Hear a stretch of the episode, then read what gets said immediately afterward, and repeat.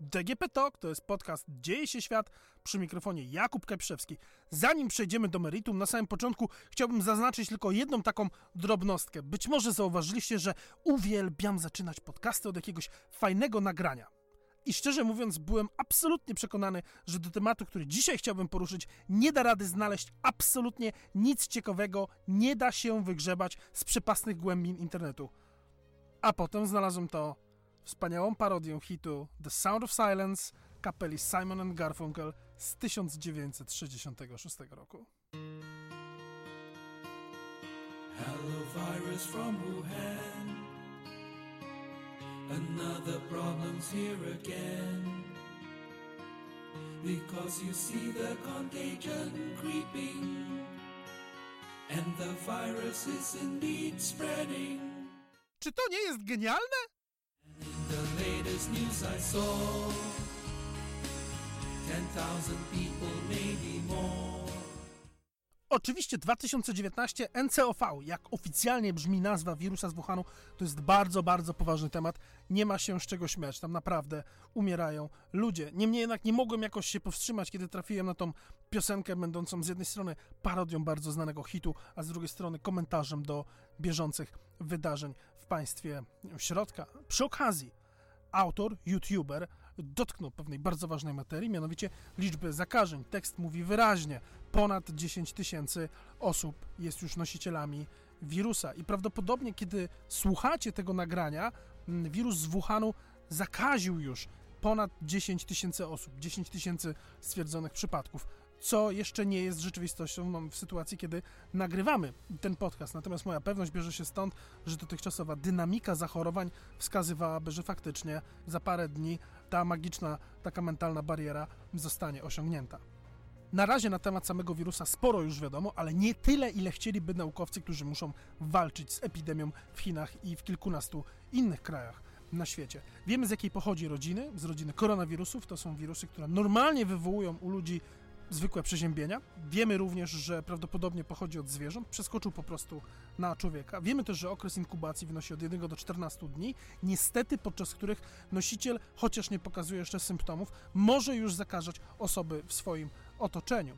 Niemniej jednak to nie o samym wirusie chciałbym dzisiaj porozmawiać, ale o jego konsekwencjach politycznych, gospodarczych dla samych Chin i dla całego świata. Ale przede wszystkim chciałbym też przypomnieć kilku raczej anonimowych i bezimiennych bohaterów, którzy paręnaście lat temu byli na pierwszej linii walki z inną epidemią, która wówczas strzelała po świecie, a mianowicie z wirusem SARS, który zresztą należy do tej samej rodziny koronawirusów, co wirus z Wuhanu, też przeskoczył na ludzi ze zwierząt i wydaje mi się, że ta historia nie jest opowiadana wystarczająco często, że warto ją przypomnieć, ponieważ są to ludzie, którzy nie tylko ryzykowali własnym życiem, ale też złożyli życie na ołtarzu walki z tym zagrożeniem globalnym, zdrowotnym. Zacznijmy od konsekwencji politycznych, bo te są naprawdę ciekawe. Jak zapewne wiecie, w komunizmie jest tak, że tylko sukcesy mają ojca. A właściwie rzecz biorąc, matkę. I jest nią oczywiście miłościwie panująca nam partia. Porażki natomiast to prawie zawsze są sieroty. Ewentualnie dzieło zgniłych jabłek gdzieś skrytego w zdrowym ciele partyjnego aktywu. I teraz, kierując się tą logiką, wiadomo komu przypisać sukcesy. Sukces gospodarczy państwa środka. Oczywiście, że dzieło partii no to komu w takim wypadku przypisać blamasz w walce z nieznaną epidemią, jaką jest wirus z Wuhanu? Również partii?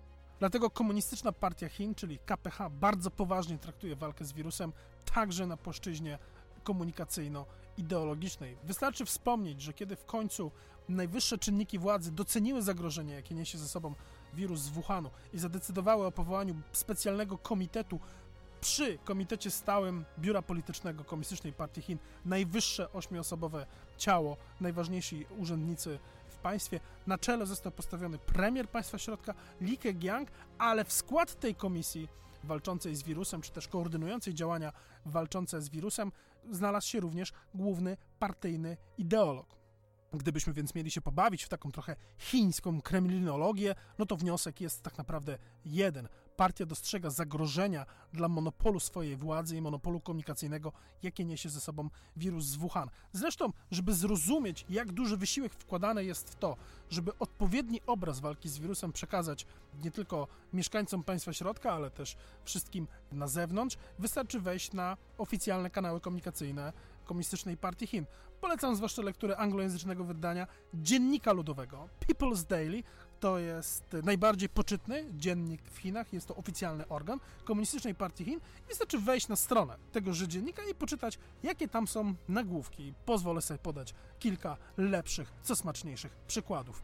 Chi nakazuje wojsku udział w zwycięskiej walce z epidemią. Proszę zwrócić uwagę, że walka już jest zwycięska.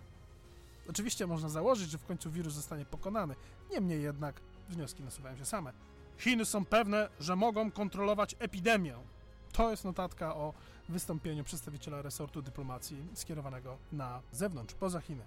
Apel do członków Komunistycznej Partii Chin w wojsku, aby wykonali rozkaz prezydenta Xi o walce z epidemią. To jest chyba mój ulubiony. Ale chińskie media starają się również pokazać mnóstwo takich drobnych obrazków pokazujących niesamowitą wprost mobilizację zarówno profesjonalistów, personelu medycznego, jak i, jak i zwykłych ludzi w walce właśnie z wirusem, więc zupełnie niedawno na Twitterze, na mediach społecznościowych chińskich mediów pojawiło się zdjęcie personelu medycznego w Wuhanie, który jest ubrany od stóp do głów, te takie specjalne kombinezony ochronne, jak przytuleni jeden do drugiego śpią na ziemi, zapewne po jakiejś dwudziestokilkugodzinnej zmianie. Rozczulił on niesamowicie chińskich internautów. Z kolei jedna z chińskich telewizji, która również ma kanał anglojęzyczny, zamieściła na Twitterze film z jednego z komisariatów policji, na którym na kamerze wideo widać, jak facet wdziera się na recepcję, zostawia policjantom paczkę z maseczkami ochronnymi na twarz i wybiega. Dwóch policjantów wrzuca się w pogoń za nim, ale widząc, że facet już uciekł, powstrzymują i z innej kamery, która jest powieszona na zewnątrz przed komisariatem, widać, jak biegnącemu gdzieś tam w oddali facetowi policjanci po prostu salutują. A skoro mobilizuje się cały naród, to oczywiście nie może zabraknąć też gospodarskich wizyt. I z taką właśnie wizytą do Wuhanu przyjechał premier Li Keqiang, stojący na czele wspomnianego już przeze mnie zespołu koordynującego walkę z epidemią wirusa z Wuhanu w całych Chinach. I przyjechał po to, aby osobiście dokonać inspekcji na pierwszej linii frontu, jak wygląda walka z tą obrzydliwą zarazą, która toczy właśnie Chiny, a także pozostawić po sobie kilka filmów, na których udziela Chińczykom instrukcji, jak mają walczyć, a oni potem deklarują i pokazują swoje zaangażowanie w walkę z wirusem. Na klipie, który chcielibyśmy zaprezentować teraz, premier rozmawia z budowlańcami, którzy stawiają w tym rekordowo krótkim czasie dwa szpitale w Wuhanie. Musimy zagwarantować jakość. Szybkość nie oznacza, że jakość nie jest ważna. Budujemy coś, co ma zapobiec nowym infekcjom. W związku z tym jakość domaga się, aby ten budynek przede wszystkim był bezpieczny. Czy to da radę zrobić? W innym z kolei materiale widzimy, jak premier rozmawia z personelem medycznym, który pracuje w Wuhanie. Bądźcie w dobrym zdrowiu i chroncie ludzkie życie. Musicie włożyć wszystkie siły w to, żeby chronić ludzkie życie i zdrowie. Patrzą na was całe Chiny. Przyrzeknijcie, że dacie radę. 是表示什么？ 我一定会努力的。 I oczywiście ktoś mógłby teraz powiedzieć, co ty tam pokazujesz z tych Chin, to wcale nie jest jakieś takie chińskie, to przecież wiadomo, że politycy w każdym kraju lubią gdzieś tam pojechać, jak jest jakaś katastrofa i pokazać się w jakiejś maseczce, albo tam kasku budowlanym, albo w jakimś tam fartuchu innym, oczywiście, no ale trzeba przyznać, że jednak jest pewna taka odrobina chińskiej charakterystyki w tych materiałach. Poza tym, umówmy się, czy te filmy nie uderzają w pewne czułe struny dla nas tutaj mieszkających nad Wisłą? Pomożecie! No, No, jeśli nie wiecie, co to za pan mówił te słowa, to znaczy, że prawdopodobnie jeszcze nie jesteście pełnoletni, albo nie uważaliście na lekcji historii. Jedyne, co musicie pamiętać, że nad Wisłą też był komunizm, tylko że od chińskiego różnił się tym, że ani nie budował super szybkich kolei, ani telefonów komórkowych. Pomimo tych wszystkich propagandowych wysiłków w sieci jednak wrze. Nie wszyscy Chińczycy są bowiem zadowoleni ze sposobu, w jaki ich państwo walczy z epidemią wirusa. Zachodnie media podawały przykłady historii, w których e, Chińczycy skarżyli się, że członkowie ich rodzin, którzy mają symptomy z którymi powinni się zgłosić do szpitala, niepokojące, nie mogą się w ogóle dostać ani zapisać na wizytę, a nawet kiedy już trafiają do szpitala, to na przykład muszą leżeć na korytarzu i przez kilka dni, a nawet kilkanaście czekają na kluczowy test, który ma zdeterminować, czy ktoś jest nosicielem wirusa, czy nie jest, bo być może doskwiera mu tylko jakaś choroba układu oddechowego, która po prostu jest bardzo podobna, co też oczywiście jest problemem diagnostycznym w przypadku wirusa z Wuhanu. Chińczycy nie mogą sobie pozwolić na to, żeby krytykować swoją władzę wprost, ale nawet tam niektórym internautom zdarza się nie wytrzymać po prostu. Na przykład, kiedy gubernator prowincji Hubei, to jest ta, której stolicą jest właśnie miasto Wuhan, udzielił wywiadu w telewizji, w trakcie którego źle założył maseczkę ochronną. Z kolei burmistrz Wuhanu kiedy również udzielał wywiadu telewizji chińskiej, bił się w pierś, mówiąc, że miasto zrobiło absolutnie wszystko, co w jego mocy, żeby walczyć z wirusem. Komentarze obok, które pokazywały się obok live feeda z wywiadem, głosiły również takie frazy jak przestań gadać i podaj się do dymisji. Na popularności zyskały także recenzje serialu Czernobyl, zupełnie teraz. Internauci piszą w nich, tak, w każdej epoce, w każdym kraju to zawsze wygląda tak samo. Zamieść wszystko pod dywan. Cytuję jednego z internautów New York Times. To właśnie jest socjalizm, komentuje inny. Co więcej, niektórzy internauci zamiast pisać koronawirus po chińsku, zaczęli używać terminu wirus przypominający kształtem urzędnika rządowego. Frazy, które po chińsku brzmią tak samo. W zawoalowany sposób dostaje się także prezydentowi kraju Xi Jinpingowi, kiedy jego współpracownik, premier Li Kengyang, przyjechał do Wuhanu na wspomnianą już gospodarską wizytę, internauci pytali, no świetnie, że przyjechał szef tego specjalnego komitetu do walki z wirusem, a gdzie jest ten inny pan, który stoi na czele bardzo wielu innych komitetów? I przy okazji, co ciekawe, niektórzy internauci zamiast pisać Xi Jinping, czy Xi w skrócie, bo to jest nazwisko prezydenta, zaczęli e, wymiennie używać terminu Trump. Jak na przykład w wypowiedzi nie chcę, aby ten rok trwał ani minuty dłużej, moje serce przepełnia ból, mam nadzieję, że Trump umrze. Jak już wspomniałem, partia doskonale rozumie zagrożenie, jakie dla jej monopolu niesie wirus z Wuhanu. Dlatego w jednym ze swoich pierwszych przemówień dotyczących walki z wirusem prezydent Xi Jinping zwrócił uwagę, że oprócz tego, żeby skupić się na powstrzymaniu epidemii, władza musi również, cytuję, wzmocnić przewodnictwo opinii publicznej. Sam prezydent zaczął też nieco dystansować się od całej tej awantury z wirusem, ponieważ tak naprawdę cały system chiński stoi w tej chwili na jego barkach. Xi Jinping jest pierwszym od wielu, wielu lat liderem, który dokonał zmian konstytucji, które w efekcie pozwolą mu rządzić dożywotnio. I teraz całe Chiny pracują tak naprawdę na jego sukces. Nie na sukces partii, na sukces Xi Jinpinga. Więc wracamy do problemu, o którym wspomniałem na samym początku. Sukces wiadomo, czyim jest sukcesem czyja w takim wypadku jest porażka. Skutkiem czego prezydent wysyła do Wuhanu premiera. Więcej w swoich przemówieniach zaczyna mówić o kolektywnym rządzeniu, temat, który praktycznie zniknął z jego przemówień od paru dobrych lat. No i oczywiście, jak przy każdej tego typu wtopie, można spodziewać się wielu dymisji. Zresztą burmistrz Wuhanu już zapowiedział, że jeśli tego będzie wymagała opinia publiczna, to on z najwyższą przyjemnością do dymisji się poda. Jeśli poprzednia epidemia, epidemia SARS ma być tutaj jakąś wskazówką, dymisja prawdopodobnie zostanie przyjęta, bo wtedy podobną deklarację złożył burmistrz Pekinu i Komunistyczna Partia Chin nie oponowała. Ale żeby zakończyć część poświęconą kryzysowi komunikacyjnego jakimś takim cieplejszym tonem, tonem, który na pewno bardziej by odpowiadał mandarynom z Komunistycznej Partii Chin, proponuję piosenkę, którą jedna z chińskich telewizji wrzuciła na media społecznościowe. Piosenkę o Wuhanie. Piosenkę, w której podmiot liryczny śpiewa Kochamy Wuhan, zawsze będziemy z Wuhanem. Ta ziemia całuje moje stopy. Jeśli Wuhan będzie mnie potrzebował, któregoś dnia podam mu pomocną dłoń. 这是我的家，我们守护它。故乡的土气温多骄阳。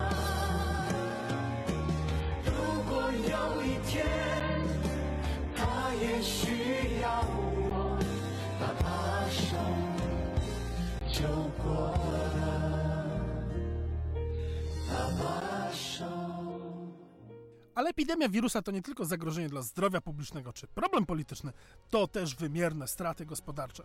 I tutaj szczęście w nieszczęściu, bo atak wirusa przypadł na okres, kiedy cała chińska gospodarka i tak działa na lekko spowolnionych obrotach. Chodzi mianowicie o nowy chiński rok. Rozpoczął się 25 stycznia i jest to taki czas, kiedy tradycyjnie Chińczycy mają trochę wolnego. Kilka dni, 7 dni to oznacza, że nie pracują, a skoro nie pracują, nie wysyłają maili, nie realizują zamówień, nie klepią kodu, nie wysyłają zamówień. Aktywność gospodarcza jest mniejsza. Jak wiemy, straty gospodarcze związane z chorobami zakaźnymi biorą się właśnie ze zmniejszonej aktywności gospodarczej. Więc z jednej strony fakt, że wirus z Wuhanu uderzył akurat teraz na przełomie stycznia i lutego, to szczęście. Ale z drugiej strony jest to nieszczęście, bo chociaż mają wolne, to przecież nie siedzą w domach.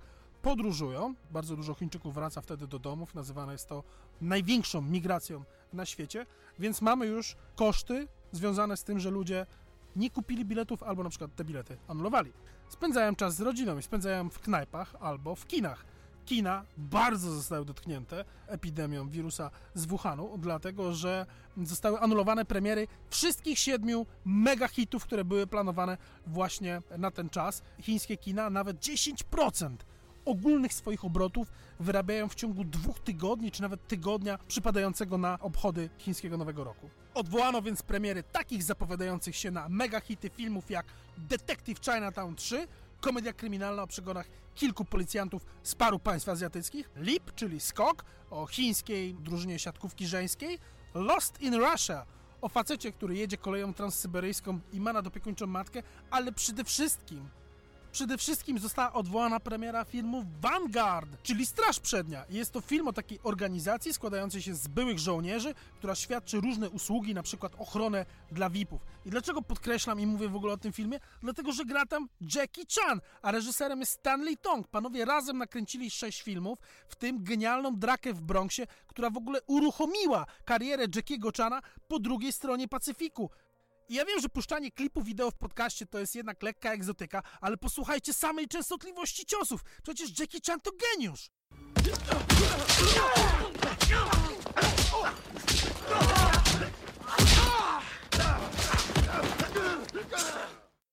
Innymi słowy mówiąc, największe straty na razie dotyczą sektora, który po angielsku ładnie nazywa się hospitality, czyli gościnność. Oznacza to tak naprawdę hotele, knajpy, biura turystyczne, firmy przewozowe, atrakcje turystyczne. Ale straty kryją się też w innych sektorach gospodarki, bo przecież zmniejszona aktywność oznacza, że ludzie nie chodzą do pracy. I faktycznie wiele chińskich firm, większych, mniejszych, zdecydowało się za nawoływaniami władz, żeby ich pracownicy zostali w domu, żeby nie zwiększać ryzyka epidemiologicznego. A to oznacza, jak już wspomniałem, że nie będą klepać kodu, nie będą realizować zamówień, nie będą reklamować swoich towarów. W efekcie, jak szacuje Economist Intelligence Unit, dynamika PKB chińskiego w tym roku może być niższa nawet o 1 punkt procentowy. Prognozy mówiły, że w tym roku gospodarka państwa środka będzie rozwijać się w tempie mniej więcej 5,9. To by oznaczało, że na koniec roku będzie 4,9. To jest fatalna wiadomość dla komunistycznej partii Chin, która już od kilku dobrych lat stara się przełożyć gospodarkę chińską na nowe tory, sprawić, że tym głównym silnikiem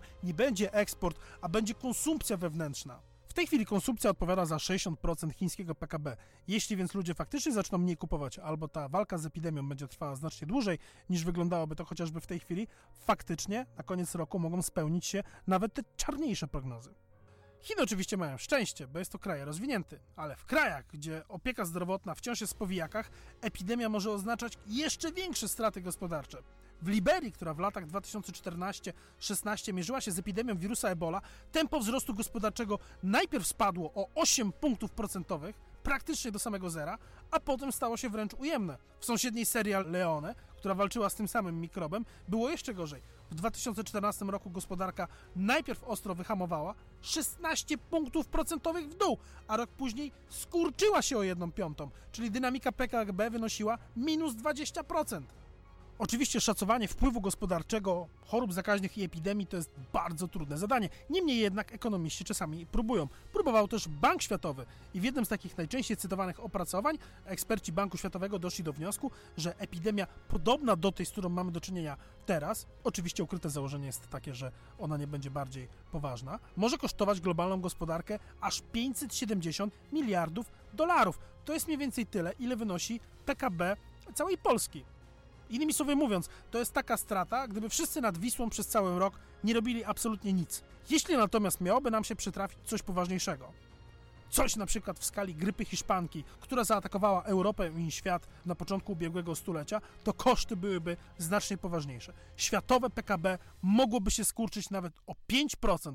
To jest mniej więcej 4,3 biliona dolarów. I żeby uzmysłowić Wam, jakiego rzędu to jest ubytek, to tak jakby z mapy świata na rok wymazać kraj tak ważny gospodarczo dla świata jak Niemcy albo Japonia. I na sam koniec chciałbym jeszcze poruszyć wątek bohaterów, którzy znajdują się na pierwszej linii walki z wirusem. Bo ile wirus z Wuhanu przeraża, naprawdę giną ludzie, tutaj są ofiary i z dnia na dzień jest ich coraz więcej, o tyle z punktu widzenia osób, które zarządzają tą epidemią, starają się ją powstrzymać, walka jest relatywnie komfortowa. Przede wszystkim wirus jest identyfikowany, wiemy kto jest winowajcą, kto odpowiada za te wszystkie zakażenia i kto odpowiada za te wszystkie zgony. Wiemy też w jaki przenosi się sposób i mamy DNA, bardzo szybko mieliśmy DNA, które pozwoliło opracować nam test diagnostyczny, który bardzo szybko sprawia, że odróżniamy osoby z symptomami, które są podobne od osób, które faktycznie są nosicielami wirusa. Z punktu widzenia próby opanowania epidemii jest to niesamowicie wprost przewaga nad wirusem. Mało kto pamięta, że w 2003 roku, kiedy uderzył SARS, nie mieliśmy praktycznie żadnego z tych atutów w ręku. Dlatego chciałbym przypomnieć dzisiaj historię kilku osób, które były kluczowe dla walki z tamtejszą epidemią. Pozwolę sobie teraz wymienić tych bohaterów z nazwiska, bo nazwiska te prawdopodobnie nikomu nic nie mówią, a są to prawdziwi bohaterowie. Kim byli? Między innymi Carlo Urbani, Włoch będący przedstawicielem Światowej Organizacji Zdrowia w regionie. Thomas Tsang, szkolony w amerykańskim CDC, czyli takiej specjalnej agencji rządowej, która właśnie zajmuje się walką z chorobami zakaźnymi, przedstawiciel władz zdrowotnych miasta Hongkong. Malik Peiris, mikrobiolog ze Sri Lanki, który wówczas, zresztą do dzisiaj, wykładał w Szkole Zdrowia Publicznego Uniwersytetu w Hongkongu oraz jego współpracownik Yi Guan. Obecna sytuacja różni się od epidemii SARS jeszcze pod jednym względem. Władze chińskie prowadzą zupełnie inną politykę komunikacyjną. Dzisiaj jest tak, że wirus został zgłoszony do WHO jeszcze pod koniec ubiegłego roku. Kilka dni później było DNA. Tym DNA władze chińskie podzieliły się z resztą świata, skutkiem czego można było robić testy diagnostyczne. 17 lat temu wyglądało to jednak zupełnie inaczej. Lekarze w Hongkongu, którzy mieli kolegów po drugiej stronie granicy, słyszeli, że jakaś chorobia tam szaleje. Należy jednak pamiętać, że byliśmy kilka lat po tym, jak w Azji wybuchła pierwsza epidemia ptasiej grypy, więc wszyscy podejrzewali, że chodzi o kolejny wybuch właśnie ptasiej grypy. Nikt nie podejrzewał, że światu może grozić nowy wirus. Wszystko zmieniło się 21 lutego 2003 roku. Tego dnia do hotelu Metropol, który dzisiaj nazywa się hotelem Metropark, ale trzymajmy się oryginalnego nazewnictwa, hotelu Metropol w Hongkongu zameldował się 62-letni profesor nefrologii Liu Jianlun. Na co dzień pracownik szpitala uniwersyteckiego imienia Sun Yat-sena w Guangzhou, jednym z największych miast przylegających do Hongkongu prowincji Guangdong. Profesor przyjechał na wesele swojego siostrzeńca, ale był tylko jeden problem. Nie czuł się bardzo dobrze. Odebrał więc klucze od swojego pokoju 911, który znajdował się na dziewiątym piętrze i zebrał jeszcze wystarczająco dużo siły, żeby tego dnia wyjść na zakupy. Niestety następnego dnia, czyli 22 lutego, zmogła go bardzo wysoka gorączka, stwierdził więc, że natychmiast pomaszeruje do najbliższego szpitala. Tak się fortunnie składało, znajdującego się przy tej samej ulicy. Na izbie przyjęć poinformował lekarza, że doskwiera mu wysoka gorączka, zmęczenie i pewne dolegliwości związane z układem oddechowym. Nadmienił również, że kilka dni temu naszprycował się antybiotykami, co pozwoliło mu spokojnie przyjechać do Hongkongu, ale że najwyraźniej przestały chyba działać. Nadmienił również, że w szpitalu w Guangzhou leczył ludzi, których dotknęła jakaś dziwna choroba układu oddechowego, natomiast nie miał żadnych konkretów do przekazania, Dodał natomiast, że bardzo dokładnie dbał w związku z tym o środki ochrony i bardzo dokładnie mył ręce i wszystko, i nosił maseczki i tak dalej, i był absolutnie pewien, że niczym się o nich nie zaraził. Zmarł 4 marca, czyli parę dni później. I dlaczego interesuje nas Liu Jianlun, 62-letni nefrolog? Ano dlatego, że podczas swojego krótkiego, jednodniowego pobytu w hotelu Metropol zdążył zarazić kilkanaście osób, które następnie rozwiozły SARS po kilku krajach na świecie – w tym do Wietnamu, Singapuru, Kanady i Tajwanu. Do Kanady chorobę zawlokła Kwan Sui Chiu, 78-letnia kobieta, która tak się złożyła, miała nocleg w hotelu Metropol właśnie wtedy, kiedy przebywał w nim też dr Liu. Kobieta wróciła do Kanady, gdzie po paru dniach zmarła, ale wcześniej zdążyła jeszcze zarazić kilka osób, m.in. swojego 40-paroletniego syna. On stał się powodem bardzo poważnego bólu głowy kanadyjskich władz, ponieważ kiedy zgłosił się do szpitala, wyglądało to jakby miał jakieś objawy choroby związanej z drogami oddechowymi. Podano mu więc lekarstwo w aerozolu, żeby sobie zrobił tak, a potem odkaszlał. Problem polega na tym, że kiedy kaszlał, nakaszlał na personel medyczny, jak również osoby, które znajdowały się obok niego w szpitalu i zaraził kilkanaście osób. Kanadyjskim lekarzom nie można jednak zarzucić, że nie dochowali wszelkich środków ostrożności, ponieważ moment, kiedy syn Kwan Sui zgłosił się do szpitala, był momentem, kiedy jeszcze nikt nie wiedział, że jest coś takiego jak SARS. 12 marca władze Hongkongu zajmujące się zdrowiem publicznym otrzymały też telefon z Singapuru. Okazało się, że 33-letnia kobieta Esther Mok została przyjęta do szpitala z bardzo nietypową chorobą, która przypomina jakieś dolegliwości układu oddechowego. Hongkongczycy zostali poinformowani, że w ich pięknym mieście kobieta zatrzymała się w niejakim hotelu Metropol, a konkretnie na jego dziewiątym piętrze. Na tym samym piętrze owej feralnej nocy z 21 na 22 lutego 2003 roku pokój w hotelu Metropol miał też biznesmen Johnny Chen. Johnny Chen z kolei wsiadł w Hongkongu w samolot do Wietnamu i zgłosił się do szpitala w Hanoi już 26 lutego. Johnny Chen w szpitalu w Hanoi zaraził oczywiście kilkanaście osób, w większości personel medyczny. Na szczęście na miejscu był wspomniany już przeze mnie Carlo Urbani. Urbani co prawda nie był ekspertem chorób zakaźnych, na co dzień zajmował się pasożytami. Był jednak wystarczająco dobrym diagnostykiem, żeby wiedzieć, że facet, który przyszedł do szpitala, jak również fakt, że zaraził kilkanaście osób i to, że tak szybko pokazują symptomy, to nie jest zwykła choroba. Urbaniemu przypisuje się gigantyczną zasługę przekonania wietnamskich władz, że mają do czynienia z czymś bardzo, bardzo groźnym, czego przyczyny jeszcze nie są znane. E, Wietnamczycy dokonali więc bardzo szybko mobilizacji. Szpital odcięto, chorych odizolowano, personel medyczny podzielono na tych, którzy będą się nimi zajmować bezpośrednio i na ten, który nie będzie miał z nimi kontaktu. Kiedy tylko po mieście poszły plotki, że w jednym ze szpitali krąży jakieś straszne choróbsko, od razu ze współpracy z placówką wycofała się firma cateringowa. Personel musiał stanąć na głowie, żeby znaleźć nowe źródło pożywienia dla pacjentów i na szczęście był nim hotel znajdujący się przy tej samej ulicy, ale tylko pod warunkiem, że nie pisną nikomu ani słowa. Carlo Urbani nie wiedział, z czym ma do czynienia, ale wiedział, że sprawa jest bardzo poważna, skutkiem czego zaalarmował swoich przełożonych. Jego alarm był jedną z podstawowych przyczyn, dla których Światowa Organizacja Zdrowia dowiedziała się, że w Azji Południowej Wschodniej dzieje się coś bardzo niedobrego. I przenieśmy się teraz na chwilę z powrotem z Wietnamu do Hongkongu, którego władze wiedziały już, że nie mają do czynienia prawdopodobnie z kolejnym przypadkiem z ptasiej grypy, ale z czymś zupełnie innym i prawdopodobnie znacznie, znacznie groźniejszym. I teraz na scenie pojawia się Thomas Tseng, przedstawiciel władz miasta Hongkong, który w niezmordowany sposób krążył po mieście, pojawiając się wszędzie tam, gdzie mieszkali ludzie, u których stwierdzono tajemniczą nową chorobę. Seng po prostu pojawiał się tam i brał próbki skąd tylko można było. Z wentylacji, z odpływów, z klamek, z różnych powierzchni płaskich, zewsząd, gdzie tylko pacjenci mogliby wejść w styczność z chorobą. Ceng trafił również do hotelu Metropol na owe feralne dziewiąte piętro, bo wtedy już władze wiedziały, że to tam najprawdopodobniej było siedlisko choroby i pobrał ponad 140 próbek. Ten wysiłek jest bardzo, bardzo ważny z tego punktu widzenia, że później można było zidentyfikować, czy faktycznie osoby, które już nie żyły w momencie, kiedy naukowcy odkryli, że przyczyną choroby był SARS, czy faktycznie miały styczność z wirusem i na próbkach z hotelu Metropol faktycznie wirus był. Co ciekawe, nie znaleziono śladów wirusa w pokoju, w którym mieszkał Liu, natomiast znaleziono na macie przed windami. Była połowa marca, coraz więcej ludzi chorowało w coraz większej liczbie krajów na świecie, a naukowcy dalej nie wiedzieli, co stoi za tajemniczą chorobą. Napięcie więc rosło w dosyć poważny sposób. Na szczęście ludzie z Hongkongu dostali kilka próbek, wymazów pobranych od pacjentów w Chinach, które mogli poddać skutecznej analizie. I tutaj do akcji wchodzi Malik Peiris, mikrobiolog ze Sri Lanki, o którym już wspominałem. Peiris wraz ze współpracownikami poddali dokładnej analizie próbki z Chin kontynentalnych. Jedna zresztą należała do szwagra wspomnianego już przeze mnie, doktora Liu. I te próbki znowu nic nie wykazały. Wtedy Peirisa coś tknęło, coś... Czasami naukowcy mają coś takiego, że pomimo tego, że nie ma wielkich szans na powodzenie, chcą jeszcze dany problem badawczy ugryźć z trochę innej strony. I polecił swoim współpracownikom Peiris, żeby spróbowali owe próbki wyhodować w towarzystwie trochę innych komórek. I tutaj faktycznie naukowcy wpadli na trop.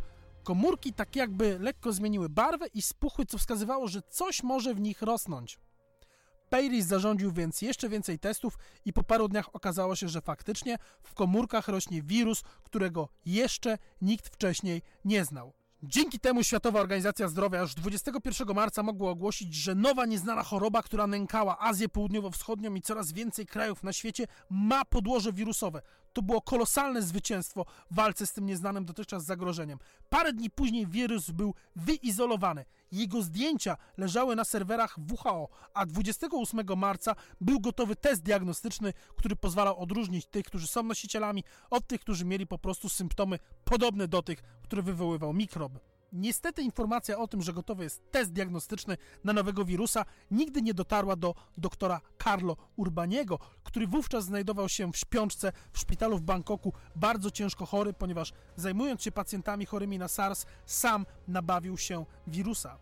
Dzień później, 29 marca, dokładnie miesiąc od styczności, z pierwszym pacjentem chorym na SARS, czyli Johnem Chanem, i 18 dni od kiedy się zorientował, że sam ma symptomy nowej choroby, Carlo Urbani zmarł w szpitalu w Bangkoku.